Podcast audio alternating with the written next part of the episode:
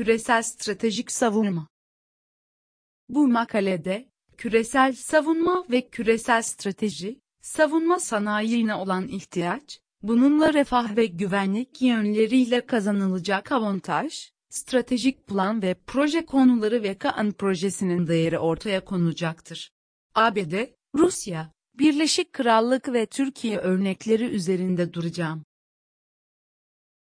Bu makalede, küresel savunma ve küresel strateji, savunma sanayine olan ihtiyaç, bununla refah ve güvenlik yönleriyle kazanılacak avantaj, stratejik plan ve proje konuları ve Kaan projesinin değeri ortaya konulacaktır.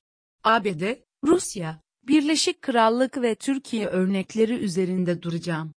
Savunma stratejisi Çağımızda stratejik savunma küresel boyutta olmak zorundadır. Savunma politikalarını belirlerken, küresel bakış açınızın bütün boyutlarıyla var olmasını esas alırsınız. Nasıl büyümek ve güçlü olmak isteyen ülkeler küresel bir iddiayı ileri sürmesi gerekiyorsa, savunma anlayışında da her bakımdan küresel iddiasını tasarlayarak gerekli planlarını yapmak durumundadır. Savunma stratejisinde ise savunma sanayi çok önemli bir işlev görmektedir. Bu cümleden hareketle, savunma sanayi, küresel perspektife sahip bir politikayla geliştirilir ve yönetilir. Stratejik rehberlik, küresel savunma anlayışının unsurları nelerdir? Ben buna daha önceden stratejik rehberlik bakış açısıyla bir açıklama getirdim ve okurlarıma sundum. Bu çerçeve içerisindeki hususları başlıklar halinde listeleyeyim. Hasmı veya rakibi caydırmak, işbirlikleri, ittifaklar ve ortaklıklar kurmak, diplomaside her alanı sürekli kullanmak, savunma sanayiinde güçlü olmak, küresel ekonomik alandaki imkanları ve gücü artırmak, nükleer güçte olmak, siber uzayda etkin olmak, istihbarat alanında güçlü olmak, dünyanın çok noktasında askeri faaliyetlere ve işbirliklerine dair pozisyon yaratmak, ortaya çıkan krizleri yönetmek. Küresel silahlanma dönemi Bugün dünya büyük ölçekli bir silahlanma dönemine girdi. Umarım bu silahlanma bir başka dünya savaşını getirmez. Ama şu gerçek, küresel ölçekteki bu silahlanmanın hızla artış gösterdiği bir dönemde, eğer sizin bir irade belirtmeye yarayışlı ve yeterli olacak bir savunma sanayiniz yoksa, en baştan kaybettiniz demektir. Gerektiği anda kendi inisiyatifinizle kararlar almak durumunda iken daha çekimser davranış gösterebilirsiniz veya başkalarına bağlı hareket edebilirsiniz. Egemenlik bahsi burada öne çıkmaktadır. Tam tersine olan açıklama şöyle, eğer güçlü bir savunma sanayiniz varsa, sadece kendi iradenizle ileri çıkmanız bir yana, beraberinde küresel barış ve istikrar için somut ağırlığınızı koyabilirsiniz. İşte sadece bu husus bile bir stratejik rehberlik konusu demek olur. Savunma sanayi, o halde savunma sanayinizi tanzim ederken nerelere odaklanacaksınız? Cevap belli. Bu konuda kim ne yapıyor ise yaklaşık onu yapabilmelisiniz. Kara, deniz, hava, uzay, siber alanlarında, üstün teknolojiye sahip, kendi politikanızı veya iddianızı, somutlaştırır mahiyette ürünlerinizin, işbirliklerinizin, ortaklıklarınızın ve imkanlara erişim kapasitenizin var olması gerekir. Örneğin, bazı kritik mineraller sizde olmayabilir. Ama günümüzün vazgeçilmezi olan yarı iletkenlerle ilgili teknolojik ürünleri kolaylıkla temin edebilmeniz, bunun için, bu alanda daha avantajlı konumdaki Hint-Pasifik bölgesindeki kaynaklarla, şirketlerle veya ülkelerle çalışmanız olması gerekebilir. Ürününüzü yaptınız, diyelim bir hava platformu olsun, bunu Afrika'ya satıyorsunuz. Afrika'daki ülkeyle savunma işbirliği anlaşmanız var, karşılıklı çıkarlar için ortaklıklar geliştiriyorsunuz. İşte bu örnekteki bakış açısıyla, merkezdeki Türkiye, Hint-Pasifik'ten Afrika'ya uzanan küresel savunma sanayi politikasına sahiptir diyebiliriz. Küresel güç ve küresel aktör, bu gibi sahalarda varlık göstermek demek aynı zamanda bir oyuncu, başka ifadeyle küresel aktör olmak manasına gelir. Bu da sizi krizleri çözerken bir güç odağı ve muhatap haline getirir. Diğeri Afrika'daki bir kriz bölgesinden nüfuz açısından Fransa veya Rusya daha güçlü, eğer orada siz bir varlık gösteremediyseniz, o bölgenin istikrarına ilişkin bir inisiyatif kullanamıyorsunuz demek olur. Yani siz oyunda hiç yoksunuz. Ancak, varlık gösterdiğiniz alanlar itibariyle, sizin politikanız ile sürdürülen bir gelişme olduğunda, yine bunun bir örnek olduğunu düşünelim. Fransa ve Slash veya Rusya sizinle işbirliği yapma, birlikte oradaki krizle ilgili konuları ele almak ihtiyacı duyabilir. Burada ise hem oyundasınız hem istikrar unsuru olabiliyorsunuz. İşte bu çok yerde varlık gösterme durumu, sizin küresel barış ve istikrara dayalı politik gücünüzle de tarif edilir. Hatta bir bölgede kuvvetlisiniz diyelim, zayıf bölgedeki durumunuzu gözden geçirirken, muhataplarınızla karşılıklı konuşma ve belli denge politikalarını tartışma imkanınız olur. Demek ki küresel güçte varlık göstermek demek, her yerde en üst derecede güçlü olmak demek olmayabilir. Her alanda aktif çalışma yapmakla belli politikalar üzerine güçlü muhataplık fonksiyonunuzun varlığından istifade edebilirsiniz. Basamakları çıkarak en güçlü ülkeler sıfatına ulaşabilirsiniz.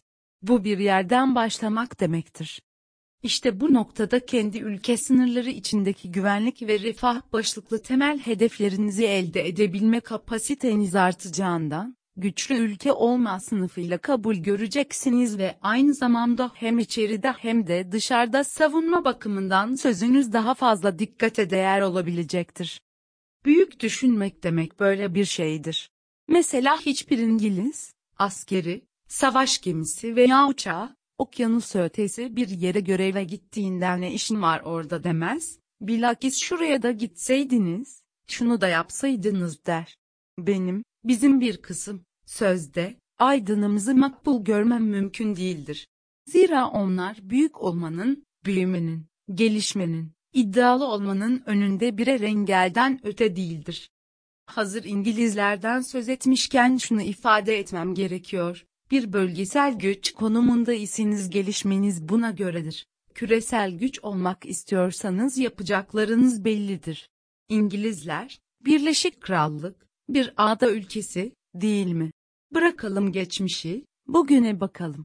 Eğer İngilizler bugün Hint-Pasifik bölgesinde askeri varlık gösteriyor ise tehdit değerlendirmesi ve bu bölgede kullanmak zorunda olduğu silah sistemleri buna bağlı olarak bellidir. Stratejik düşünmek böyle olur. Stratejik savunma ve tedarik programları buna göredir. Kendisi silah üreticisi ve satıcısıdır. Ama bakın, bugün sadece Hint-Pasifik bölgesindeki tehdit değerlendirmesinden dolayı bile ABD'den ilgili küresel görev maksatlarıyla imal edilen 5. nesil savaş uçaklarını satın almak zorunda kalıyor. Demek ki stratejik iddiası olanın stratejik savunma planlarının gereği yapılmalıdır. Savunma sanayi ürünlerinin üretilirken ileri sürülen vizyon tanımı çok önemlidir. Ben bu hususları asıl konumuz F-35 uçağı değil. Başlıklı makalemde açıkladım. Stratejik plan, ifade ettiğim gibi, stratejik planınız, 50-100 yıl ve bir iddianız varsa, emin adımlarla basamakları geçerek yürürsünüz. Tek bir pencereden bakmak demek, henüz yerel veya bölgesel olmayı planlayabilirim, demek olur. Mutlaka bu aşama geçildiğinde ileri noktalar kamuoyu tarafından da anlaşılacaktır. Fakat, yarın ne olur diye soruyorsanız, durum farklı tabii. Stratejik yol bir patika değildir, geniştir, kendine has özellikleri vardır. Patika çoğu kere silik olabilir. Ama stratejik yol belirgin olmak zorundadır.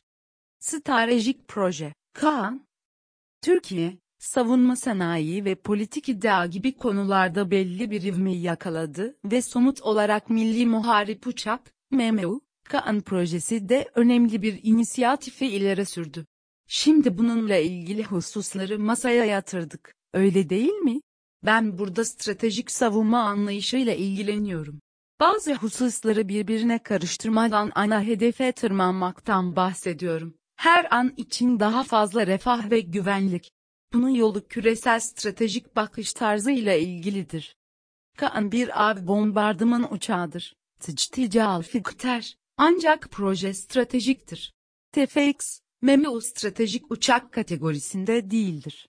Bu şekilde düşünürseniz örneğin ABD'nin B-1, B-2, B-52, Rusya'nın Tu-22, Tu-95 gibi uçaklarını sayabiliriz. Bomber.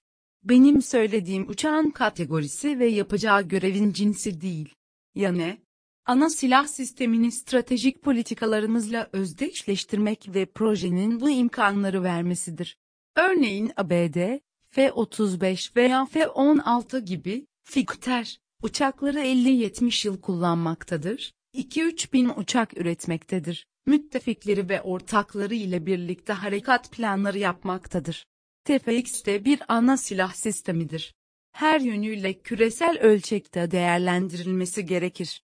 Kullanım zamanı, üretilecek uçak miktarı, hem kendiniz hem de satacaklarınız ile beraber, yeni ittifaklar ve ortaklıklar için imkan vermesi düşünülürse, ülkenin stratejik hedeflerine karşılık gelen önemli bir projedir.